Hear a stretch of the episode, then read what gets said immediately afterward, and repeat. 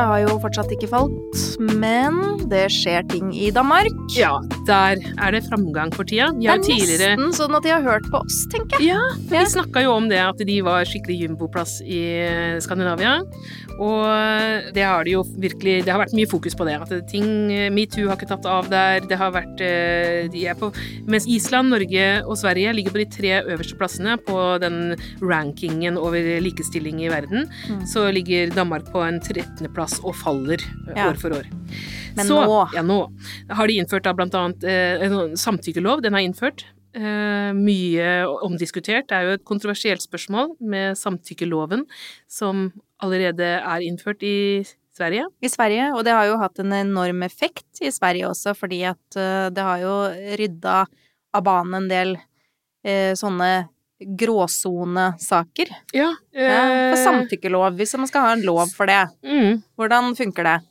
Nei, så det er jo sånn at eh, du får Du skal bare ha sex med folk du veit har lyst til å ha sex med deg. Mm. Det er bare det det går på. Man skulle jo tro at det var ganske sånn grei skuring. Ja, altså, jeg, jeg husker faktisk første gang jeg hørte om det, når de begynte å snakke om det i Sverige, så, så øh, reagerte jeg litt sånn kritisk, sånn som jeg tror mange gjør. Jeg tror Mm. det, mange reagerer litt sånn hæ?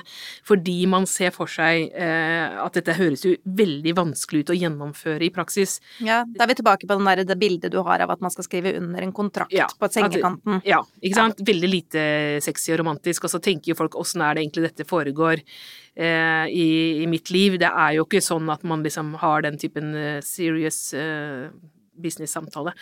Um, men det er jo ikke det det går ut på. Ikke sant? Det er jo, dette er jo på en måte for å lukke en del av de hullene i, Mm. som gjør at folk eh, tror at hvis ikke hun har sagt nei, så er det ja, da er det fritt fram. Mm. Det er jo det som på en måte har vært bildet. At det, ok, øh, hun er, virker jo litt øh, hun, hun protesterer jo ikke, liksom. Kanskje hun sover eller er full eller er redd eller ligger stiv som en pinne eller et eller annet. Ja, ja, Da- det er noen hint der også, er- skulle man tro. Ja. Men ja. Ikke sant. Så det er jo egentlig bare det. Eh, ikke bare det, det er ikke bare bare det, men altså eh, Forsikre deg om at eh, personen foran deg, eh, ved siden av deg, har lyst på sex. Mm. Og sånn som vi også har sagt tidligere, ja er ja. Det er jo en mye, mye enklere variant. Mm. At du rett og slett eh, har, tar et aktivt, positivt Ja. valg i og, det og du det gjør. behøver ikke være ordet ja. Nei. Det kan være Altså hvis dama eh, Eller sier dama, det kan selvfølgelig gå begge veier. Eller mannen. Ja. eh, gir masse positiv respons på dine tilnærmelser og liksom eh, kliner tilbake og tar på deg og prøver å ta av deg klærne og tar av sine egne og ser deg i øynene og er Er våken. våken. Ja. Det er- ja. Det er Ja. gode Det er liksom sånn. Og så er det det at liksom, selv om du tenkte at det var ja når vi var på det utestedet, for da var- på den dassen på utestedet så var hun jo skikkelig på, så betyr ikke det at det ja gjelder etterpå når hun er Kanakas dritings tre Da er ikke den kontrakten underskrevet, altså. Det må være fersk, eh, fersk underskrift, Ja. for ellers så gjelder det ikke. Ja, og da er det jo noen som sier også sånn Ja, men det har jo alltid vært forbudt med så Eller det har jo lenge vært forbudt med sovevoldtekt. Mm.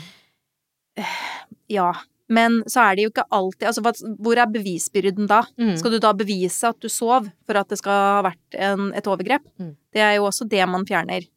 Så det her eh, er et veldig positivt skritt, fordi det handler om bevisstgjøring rundt disse tingene, først og Mm. fremst, og at man blir At man liksom bare lærer seg til at eh, eh, hvis ikke det skal være to aktive parter som har like lyst, begge to. Ja. Det er vel egentlig et grunnleggende ganske greit og positivt budskap. Og så er det, det, det, Tingen er at den kan fungere som et verktøy for å løse de sakene du sa, som er sånn tvist. Eh, Nå er det jo sånn at i Sverige, etter at denne loven ble innført, eh, i 2018, så har voldtektsdommene økt med 75 og da er det noen som tenker, selvfølgelig noen menn som sier å, det betyr at eh, folk blir eh, uskyldig dømt og sånn. Nei, fordi at i utgangspunktet så var det jo sånn at ni av ti, sånn er det i Norge fremdeles, ni av ti eh, Anmeldelser. anmeldelser blir ikke til noe, noe som helst. Eh, så det er jo det er fremdeles eh, veldig, veldig mange anmeldelser som ikke blir noe. Det skal noe. veldig mye til for at Ja. noen som eh, anmelder en person for voldtekt, faktisk får noen dømt. Ja. Det, er, det er fortsatt et veldig langt steg Så før det, det, blir som, riktig. det som jeg tenker her med Danmark, ikke sant? Altså det, at nå er jo Danmark foran Norge på dette spørsmålet, mener jeg, da, i Mhm. i utviklingen der, og det er jo så rart med tanke på hvor treige de har vært med metoo. Ja, Men hører dere Norge? Dette Ja. vil vi ikke ha noe av. Så kan noen snarest sørge for at vi også får en samtykkelov. Altså, nå er jo de helt i lykkerus, feministene i Danmark, fordi eh, dette er jo ikke det eneste. Det jo, jeg, jeg, leser jo jeg leser danske damblader også, jeg, er ikke bare svenske. Og i, der har det vært mye sånne reportasjer om eh, feminisme og likestilling i kjølvannet av metoo. Det har det vært. Men mange av dem har vært problem, eh, den typen orientert mot at hvorfor blir ikke dette tatt på alvor i Danmark? Men engasjementet har liksom vært økende, og nå eh, skjer det jo ting, ikke minst med denne vanvittige opptredenen til uh, Sofie Linde, som var helt utrolig bra. Ah, det var så forløsende. Mm. Og det var helt klart Jeg tenkte at var det, det var, Og det var det som skulle til for å Mm. endelig få liksom metoo til å, å synes i Mm. Danmark òg. Ja, ikke sant. Den eh, de, de trengte det, liksom. Altså, Ja. de har, de har ligget de- Danmark forklarer selv at mye av denne eh, nølingen på det feministiske feltet handler om et selvbilde som danskene har av å være veldig frisinna og liberale. Ja, og det har vi jo også vært innom før. Men Mm. for de som ikke har sett denne videoen med, med Linde, så det hun gjorde som programleder for et sånt uh, prisutdelingsprogram for humor, så valgte hun å bruke scenen til å både adressere hvor uhyre mye mindre lønn hun får, sammenlignet med sine mannlige kollegaer. Hun eh, fant også ut eh, å adressere det at man blir eh, At det blir sagt at ja, deg kan vi ikke betale så mye penger fordi at du kan jo bli gravid. Mm. Hvorpå hun løftet opp kjolen sin og viste gravidmagen sin. Woho! Mm. Og så trodde alle at det var det store sjokket. Mm. Og så kontrer hun med det, den fortellingen om da hun som ung intern i da eh, DR eh, Altså eh, dansk radio eh, på en julefrokost eh, fikk da beskjed fra en profilert person Mm. at hvis ikke hun ga ham en blowjob, så skulle han ødelegge karrieren hennes. Mm. Eh, Og det klarte han ikke, da. Det var jo det det, positive det var jo det som var poenget her. Ja, ja. Men jeg tenker jo liksom bare hvor mange som ikke Minner jo litt om Sigrid Bonde Tusvik også, som gikk ut med den der eh, pikken på Ja. fanget-historien, som eh, også var eh, Er ikke det litt for morsomt, da? Ja, veldig morsomt. Ja. Da hun var også gravid. Du, når du er gravid, har du ikke egentlig ellers heller. Men du har litt sånn frikort på- til å gjøre ganske mye. Ja, jeg tenkte på ja. eh, Sigrid Bonde Tusvik var gravid når hun fikk denne pikken fikk- på fanget. Ja, Og så da, jeg tenker at Du har egentlig aldri lyst på en fremmed pikk på fanget sånn uten å ha bedt om det, men kanskje i hvert fall ikke da, for da er man liksom litt sånn Nei, jeg, sårbar i jeg tror vi bare skriver under at du har aldri lyst på en fremmed pikk på fanget. Eller noe Da annet med sted. tanke på Ja, Eller på telefonen. Ja, eller på telefonen. Sånn tilbake til den samtykkegreia. Mm. Det er litt greit om du liksom Hei, har du lyst på pikken min på fanget ditt? Og så kan jeg si nei takk. Det hadde vært litt greit. ja, nei, takk. Samtykke. Eh, det, var, det kunne vært sånn på telefon også. Liksom, har du lyst på et eh, bilde av pikken min? Eh, nei takk. Og så da, da sender man ikke. Da blir det jo ikke noe dickpics heller. Jeg syns det egentlig er en ganske god plan. Samtykke på dickpics også. Mm. Ja. I forrige episode så tok vi jo en liten skål for uh, Ruth Bader Ginsburgs uh, reise til det hinsidige. Mhm, Rest her soul. Mm -hmm. uh, og allerede nå så er det jo eh, trøbbel i USA. For dette innebærer ganske Kan innebære ganske dramatiske konsekvenser for eh, spesielt kvinner Ja. i USA. Det, absolutt. Det er jo allerede vært veldig mye sånn angrep på abortloven i USA. Den, eh, eh, den amerikanske abortloven kom jo en del år før den norske, faktisk. Den kom i 73. Eh, blir kalt for Roe versus Wade. Og den eh, eh, blei jo inspirasjon for veldig mange andre vestlige land som kom på Det var da det kom på banen, fordi denne var blitt eh, ratifisert i USA. Og um, Men den står jo Den lever jo farlig, det har den gjort nesten hele tiden, for det har vært ekstrem motstand. Mye drap eh, av abortleger og aksjoner mot abortsentre osv. Så, videre.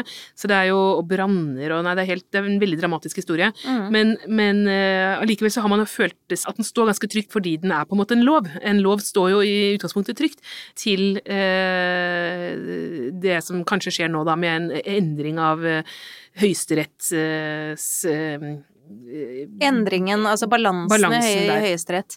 Som jo nå går i eh, Nå blir det tre Seks konservative og tre demokratiske, da. Ja. Eh, eller hva, hva heter det? Liberale. Ja. Eh, hvis Trump nå gjør det han driver og truer med, og Mm. henter inn eh, en veldig konservativ erstatter. Og han har jo gitt klar beskjed, der ville jo gjerne Ruth Bader Ginsburg at det skulle utsettes å utnevne en ny representant i Høyesterett frem til etter valget. Det var Mm. hennes dying wish. Mm. Eh, Det bryr seg Trump døyten om, Mm. men om han faktisk rekker å få utnevnt en ny person, det er det som er det store spørsmålet. Han er ganske rask på disse feltene. Altså, jeg tror det gikk tre dager fra han gikk inn i det ovale kontoret for første gang, til han hadde signert denne avtalen som eh, gjør at eh, ingen eh, som jobber med abort, eller tilbyr abort eller informerer om abort i utviklingsland, får støtte fra USA nå.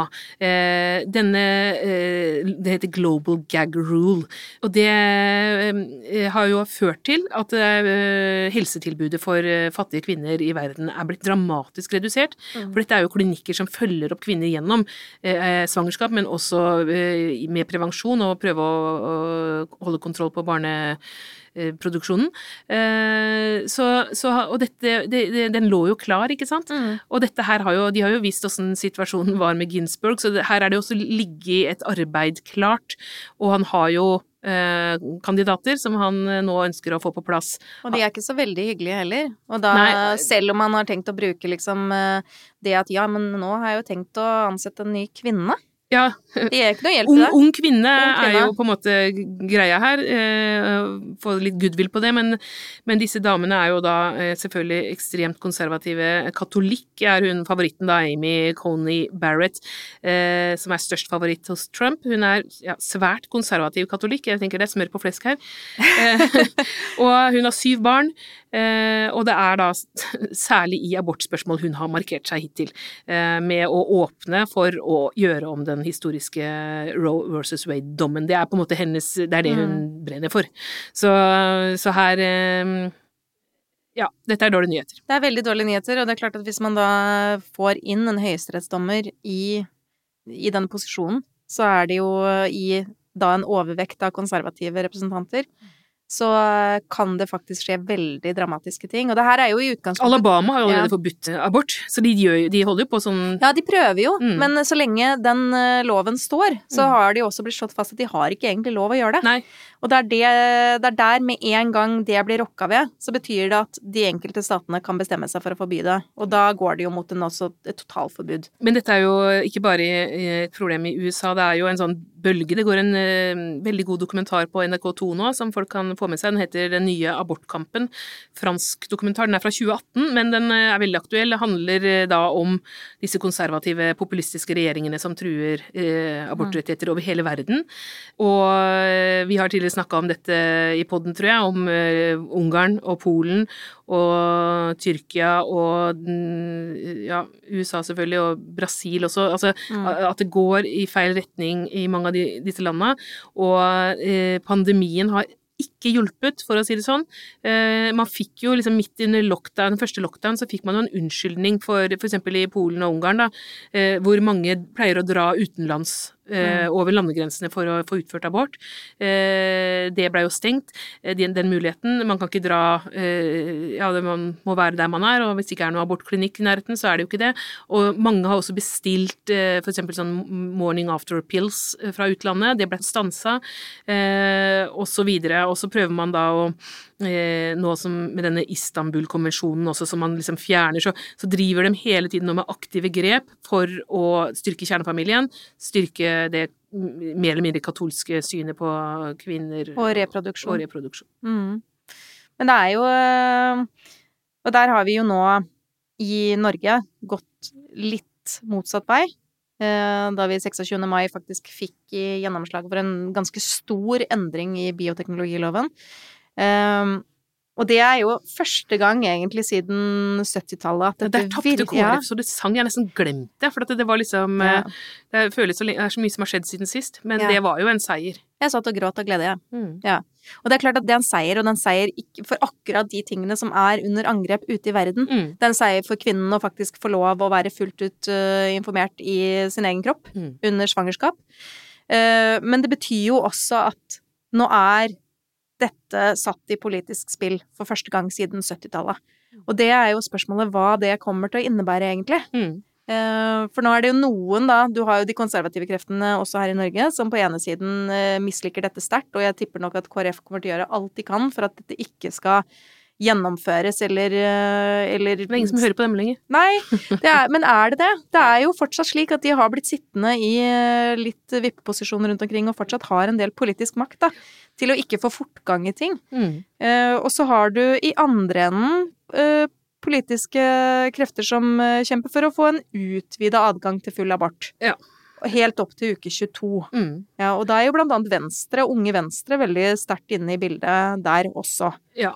Og det er jo øh, på en måte også provoserende for øh, folk flest, at jeg får si. Altså Ja. dette er ganske en øh, synspunkt som jeg tror veldig mange nordmenn eh, syns er altfor radikale og ekstreme. Mm. Og det kan være litt skummelt at debatten blir, ja, som du sier blir det, ekstremt polarisert. Ja. Og så tror jeg også at det som er eh, clouet akkurat nå, hvis eh, i hvert fall jeg personlig kan komme med et ønske, er at man i mye større grad snakker om hva skal det innebære? Hvordan ser det egentlig ut? For jeg tror at veldig mange som hører det, at vi vil utvide abortgrensen til 22 uker, de tenker at ja, herregud, skal man nå få lov å abortere helt frem til midt i svangerskapene? Og så er det jo kanskje ikke sånn det egentlig er tenkt. Så, så min oppfordring akkurat nå er at man i mye større grad er tydelig på hva man snakker om, som jeg tror det er en, Nå tror jeg virkelig at det er det at vi vil bli kvitt nemndene mm, det er det som er i, i kjernen senabort. Det er er det som er kjernen. Og kanskje Um, går det an å gjøre det på en annen måte, eh, og det må man også finne et svar Ja, på. og det er eh, i hvert fall fra mine, mitt eget ståsted som har gjennomgått en senabort, så er jo det å bli kvitt nemnden bra idé. Kjempeidé. Det Jeg er veldig støtter vi. Ja, og det å liksom være Gi kvinnen den selvråderetten i samsnakk med helsepersonell som er fullt ut orientert og gode til å veilede. Der snakker vi om noe, men vi må tydeliggjøre hva vi egentlig snakker om akkurat nå. Det tror jeg. Nå har det vært mye alvor. Samtykkelov og abort og under angrep og Ja. sånn. Nå tror jeg vi må snakke om noe litt gøyere. Ja, Eh, feministiske forbilder. ja. Madonna. Madonna eh, har jeg notert meg eh, denne uka, fordi hun eh, gikk jo ut på sine sosiale medier og sa at, hun skal, at det kommer film om henne. Eh, som hun skal regissere sjøl. Det syns jeg er så typisk Madonna. Det er det. altså, At eh, liksom Ja, hun går ut med nyheten. Hun skal gjøre hele dritten sjøl. Eh, fra eh, historien liksom om å vokse opp i slummen omtrent i New York, eh, og disse som Vi kan jo historien hennes litt, og så til global berømmelse, og så ja, i dag. Hvordan Men snakk om å være liksom igjen i full kontroll av sin egen historie, i full kontroll av hvordan den fortelles, Mm. og også sånn som hun har alltid vært i full kontroll kunstnerisk fra det sekundet hun kunne. Ja, jeg- Dette er jo, som du sier, veldig typisk. Mm, det er det. Jeg tenker at det, eh, det er ikke sikkert den blir så bra. Altså, ikke, det er ikke det er tidlig i prosessen, og vi vet ikke liksom, hvem som skal spille henne, og hvordan den når innspillingen er og sånn. Eh, jeg håper jo på at det blir noen Jeg vil gjerne se andre filmer om Madonna òg, liksom Men jeg bare syns det er en eh, Det er jo på en måte en kul kunstnerisk greie å velge å lage en sånn historie sjøl. Og kanskje blir det bra, kanskje blir det ræva. Det vet vi ikke. Ja, men da er det i hvert fall hun som har eierskapet, da. Ja. Og det er liksom noe med at hun, hun igjen våger seg frempå. Mm. Og da som en godt voksen kvinne eh, Og dette her var jo du også i debatt om for Ja. noen år tilbake. Ja, det er noen år siden nå, altså, men det var jo uh, det, det er litt sånn artig å tenke på nå under koronatida hvor alt er så uh, Det er så mye tungt i mediene og på debatten og sånn. Og her var det sånn, det var en dag hvor jeg for noen år siden da var Jeg var på Dagsnytt 18, jeg var på Redaksjon 21 og på Kveldsnytt. Altså det var tre sånne ting. Jeg bare løp rundt på Marienlyst for å diskutere Madonna. Og da tenker jeg det føles som en annen, en annen verden. Men uh, det var iallfall uh, Tingen var det at uh, hun hadde fått sånn tommelen ned fra blant annet eh, P3, som sa vi gidder ikke spille Madonna, hun er dau som artist. Gammel kjerring, liksom, sa Mats Borch Bugge. Eh, og, så, og så var det ungdomsbladet Spirit, eh, som eh, hadde sånn hot og not-liste, og så sto Madonna øverst på den not-lista, og det sto Vi er lei av å se en dame på over 50 år tror hun holder seg bra uten klær. Kle på deg! Og da tenkte jeg ok, eh, nå må ungdommen roe seg ned lite grann, liksom. Eh, på den samme, altså mannlige artister på hennes alder og eldre, Mick Jagger. ikke sant, farter verden rundt, eh, og spiller gamle låter og lever på gamle Og drikker på den gamle hofta si, som sant? sikkert har blitt reparert flere ganger. Titanhofta si. Ja. Og så er det liksom Madonna da fikk beskjed om å ja, Nei, æsj, gå og kle på deg. Som for Eh, øvrig ser dritbra ut, selv ja. om hun er Hva er hun nå? 60? Ja, hun er Ja, sikkert ja. mye titan og plast der Ja, men helt sikkert, det men er- ser kjempebra ut. hun øh, gjør jo det. Eh, det som, øh, som jeg da liksom delte, som var min sånn posisjon i disse debattene, var jo liksom at hvorfor får kvinner i en viss alder på en måte beskjed om at eh, nå er det på tide for deg å, å eldes med verdighet. Nå skal du bare gli sånn umerkelig utover sidelinjen, og så, og så bli en gammel dame på, på vanlig måte, og alt annet er Helst liksom klippe håret kort og kle deg beige. ikke sant. Mm. Så det, det syns jeg var snevert, eh, og mente at folk må komme og get over it, liksom. Eh, Kvinner over 60 er, kan være sexy, de kan ha lyst på sex, og folk kan ha lyst på dem. Og så var det jo det at én ting var mus altså musikken. Eh, jeg gidder ikke begynne å fortelle, altså alle vet at hun har vært en fantastisk stor artist, men det har jo ikke bare vært musikken, det har jo vært også opprøret mot konservative politiske ledere, mot mm. katolsk religion. Hun har jo vært kjempeviktig for masse generasjoner med kvinners, eh, altså oppvoksende jenters seksualitet. Altså alle de tingene der som man kanskje nesten må være jente for å eh, umiddelbart uh, forstå, da. Uh, altså samme turneen som det her var snakk om, så, så hun ble dritupopulær blant myndighetene i Russland fordi hun støtta Pussy Riot, og, og det ble sånn kaotisk på flere konserter, både på grunn av, ja, på grunn av politisk støtte til dem, blant annet, som da satt fengsla. Sånn at det, hun har jo masse Hadde jo masse har- kraft og har det har det fremdeles. Har det fremdeles. Det er- Eh, men så det derre klepåret for gamle kjerring, det Mm. Jeg, jeg får mer nakenhet blant godt voksne mennesker, Ja. tenker jeg. Syns det er litt fint, og så tror jeg også det er utrolig kult å ha litt sånne forbilder i godt voksen og eldre alder. Sånn Selv om de er fulle av silikon. Selv, selv Eller, eh, om det, Botox, altså, men, eller- det, men det som jeg sier, at mitt, mitt personlige forbilde for hvordan jeg vil bli når jeg, vil, når jeg blir eldre, så vil jeg bli sånn som Holly Hunter i Top of the Lake. Oh, ja. Jeg vil ha sånn langt, flagrende, grått hår, og så bare gjerne liksom Top of the Lake, den TV-serien med, hun- med TV-serien. hun fra Mad Men. Ja, riktig. Eh, Elisabeth Moss. Riktig. Ja, den var veldig, veldig bra. Ja. Men hun hadde hun, eh, Men der hun den heltinnen din hadde jo også et hun, hun bodde oppe på fjellet i et telt med masse kvinn, kvinnelig harem rundt seg som tilba henne. Er det det du Eh, kanskje, det er det du vil ha. kanskje det er det jeg vil ha. Ja. Det kan også la meg inspirere litt av det, men mest av alt det lange, flagrende grå håret. Ja. Det var egentlig mest Det var det gikk Og det var liksom litt sånn morsomt, for akkurat når den, ikke TV-serien kom, så var det liksom også litt sånn Jeg husker at det var før jeg bikka 30, nei, bikka 40, og at da var det sånn herre Noe med at kvinner over 40 skulle ikke ha langt hår. Mm. Så bare det der at hun var en dame på absolutt 60 pluss, Mm. som hadde langt, grått hår, Mm. det syns jeg var så befriende deilig å se i en TV-serie. Mm.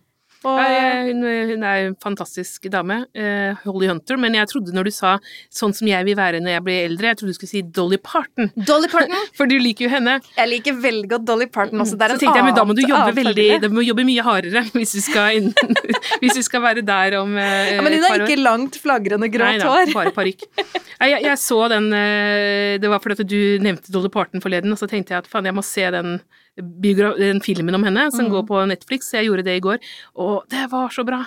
Vet du hva, Dolly Parton er så fantastisk. Jeg har jo også, Grunnen til at jeg har drevet og snakka om det, er det jo fordi at jeg driver og hører på Dolly Partons America, podkasten, Ja. og, og er skikkelig hekta på Dolly Parton. Men jeg tror Dolly Parton skal få en helt egen episode, hvor vi skal snakke Ja, masse Vi må, om Dolly Parton. det. Ja. Fordi snakk om også, når vi snakker om Madonna, Dolly Parton er også en av de andre store ikonene, Mm. som også kan diskuteres når det kommer til feminisme. Ja, ja. Ja. Hun, hun, I denne dokumentaren jeg så i går, så ble hun jo konfrontert med dette her, for hun, jo, hun vil jo ikke si at hun er feminist Mm. høyt, eh, for hun spiller kortene sine litt bedre, antageligvis. Eh, altså veldig sånn Hun prøver å Ja, hun er, hun er smart. Hun er veldig smart. og, så, og så spurte de på dette intervjuet fra 70-tallet hvorfor er du ikke ute i gaten og demonstrerer med de andre feministene, liksom. Og så sa hun eh, jeg var den første kvinnen som brant bh-en min, men det tok brannvesenet fire dager å slukke, slukke brannen. Og det er jo det som er så utrolig gøy, at hun har liksom dette eierskapet til sin egen kropp, og ikke minst disse store puppene. Ja. For det er jo liksom sånn, hva skal du gjøre? Late som de ikke fins? Mm. Det er klart det kommer til å bli nevnt. Nei, som sagt, Dolly. Dolly er morsom Respekt. og, og fantastisk eh, låtskriver òg. Mm. Altså, det kan vi godt snakke mer om seinere også, med den Dollywood og alt det hun driver med. Mhm. Men eh, jeg tenkte jeg nevner det nå, for jeg har jo eh, kommet meg på Netflix da, for noen måneder siden. Eh, etter Ja, etter at barna dine, dine to døtre, tok en demonstrasjon, skjønte jeg, med Ja. plakater. de hadde liksom lagde plakater. Vi vil ha Netflix, og så gikk de rundt i stua eh, og ga seg ikke før vi fikk Mm. Ja, for installert det det. igjen, de aksjonerer, de tar tak, Mm. de gjør det på den skikkelige måten, så vi, det må jo premieres. Det blei premiert. Ja. Og så blei det litt bonus for meg også, da, for det er jo så mye bra dokumentarer om kvinner som ligger der. Eh, og, og så, jeg vet, Dette er jo gammelt nytt for alle som lytter, som har vært der lenge, da, men som har vært på Netflix ja, ikke sant? Men ikke sant? man får jo sånn bruker, ikke sant. Så det står sånn Martha, og så kommer det masse som er liksom ment for meg. Og Fordi da, at du får jo mer av det som ligner. Ja. Det blir jo litt sånn som uh, reklame Google. på Facebook og sånn. Ja. Men, men jeg blir jo liksom så rørt over at de finner fram disse fine filmene til meg, og at jeg blir sånn Å, de skjønner liksom hvem jeg er. Og, og det, var, det var liksom Whitney Houston som jeg så, da. Uh, utrolig trist, da. Den var Ja. så trist. Men vakkert. Det var nydelig, men uh, ja. Og så var det denne Nora Ephron. Hun er jo en kjent eh, manusforfatter eh, og regissør eh, som døde for noen år siden. Hun regisserte med Harry Met Sally, You Got Mail, Sleepless in Seattle. Veldig mye sånn Meg Ryan, lette eh, menn. Men veldig, fine, sånne romantiske komedier Ja. som ikke var så flate. Nei, Eh, Spesielt når det kommer til kvinnerollen, Ja, som nei, er mye, mye var, annet. eh, var, hun var jo feminist, på en måte, Mm. og, og var utrolig kjapp i kjeften. Eh, skikkelig sånn spennende dame, da, hun Nora Ephron. Ja, men også den der liksom episke scenen hvor Sally sitter og later som hun har orgasme Ja. inne på den dineren. Altså, jeg mener, dette er Nora Ephron. I dag så er jo det på en måte mer en sånn liksom Man tenker sånn klisjé omtrent, og man har hatt eh, sjamporeklamer som gjør det samme og sånn, men den gangen, på midten av Mm. Slutten av, 80-tallet, ja, slutten av 80-tallet, det var jo virkelig eh, en sterk scene. Ja. Eh, og så den siste jeg må nevne, da, som ligger der, det er jo denne biografi... Eller filmen om Nina Simone. Ja, den er kjempegod. Oh. Og det er Jeg greier jo ikke å høre musikken til Nina Simone uten å tenke på den dokumentaren igjen. Det er virkelig, virkelig noe som alle burde se. Det, Men du vet at så- jeg har møtt henne? Har du møtt Nina Simone? Jeg har det. Det, høres, det høres ut som jeg skryter det på meg. Og det her er liksom veldig morsomt, fordi jeg begynte ikke å høre på Nina Simone før jeg var i 20-årene, nesten 30. Og så plutselig så begynte jeg å tenke på Fordi da jeg var tenåring, så jobba jeg nemlig som servitrise på et sånt uh, kultursenter i Umeå. Servitør heter det. Ja, eller ja. Serveringspersonale. Ja. Det var det veldig kjønnsnøytrale måten å si det på. Um, på et sånt uh, kultursenter i Umeå i Nord-Sverige. Eh, Umeå, ja. I Umeå, der hvor jeg Mm. kommer fra. ja. Uh, og da huska jeg at jeg hadde servert uh, champagne nede i garderoben til en artist som jeg husker var mørk og hadde en hvit pelsstola på seg. Mm. Og så tenkte jeg, men herregud, Nina Simone har vel aldri vært i Uma? Nei, det høres ikke ut som Nei. et sted for henne. Så du vet det som, og faktisk, det var først når jeg så den dokumentaren at jeg var sånn, men kanskje hun Så jeg googla det, og hun var i Uma! Det var Så det henne. var henne. Ja. Og, og du hadde gitt henne Jeg var bare nede, liksom, og jeg var 17 år gammel Mm. og var nede i Ikke lov å servere Nei, alkohol? fikk ikke lov, men det her var jo bak uh, backstage, ikke sant, og jeg fikk ikke lov å åpne den. Ja. Men jeg fikk lov å, å levere den inn til garderoben. Åh. Ja. Og det var, hører jo også til historien at hun da hadde på raideren at hun skulle hentes med limousin på hotellet. Ja. Ja, så limousinen kjørte opp utenfor hotellet, hun gikk inn, tok en U-sving og slapp henne av igjen. ja, fordi Umeå er så lite. Det er jo tilfeldigvis slik at det hotellet hun bodde på, lå rett over gata fra der hvor hun skulle være. Så Men, også... men måtte ha limousin, da? Men det skulle hun ha. Hun skulle hentes som limousin, Ja, gå. høres ut som eh, henne i Ja, forhold til eh, Ikke sant? Når du altså, tenker på den eksentrisk, ja. eksentrisk dame som gjorde bare akkurat som hun ville. Ja. På godt og vondt. Det var kjempetrist. Hun eh, svikta jo dattera si og alt mulig. Men, eh, men en sånn fantastisk artist, ja. Og så eh, og, og politisk engasjert. Hun valgte jo bort Hun kunne jo eh, vært mye mer sånn kommersiell og tjent mer penger og sånt nå, men hun Mm. bare bestemte seg for liksom at eh, Black Lives Matter og Og bare Black Panther, ja. sånn som hun var den gang da, og så flyttet hun til Liberia. Ja. Ja, det var eh, Men ja, ja, ja. Nå må vi ikke si for mye, nå må folk eh, gå inn og se den dokumentaren Se dokumentaren. Gjør det. Og så kan jeg bare slå meg selv i hodet over at jeg ikke skjønte hvilken artist det var snakk om den gang da, og at jeg heller ikke oppsøkte den scenen hvor jeg kunne ha stått bak scenen og faktisk hørt henne spille og synge. Sånn. Man var ung og dum, Ja. som vi kaller det. Mm. Ung og dum i Umeå. Det høres ut som en film. Husk at dere kan finne oss på Facebook, dere finner oss på Instagram, og dere kan også sende oss en e-post på patriarkatefaller at gmail.com. Du har hørt podkasten Patriarkatet faller av og med Marta Breen og Anette Garpestad. Teknikk og musikk ved Margarita Krimici, og utgiver er Cappelen Dam Forlag.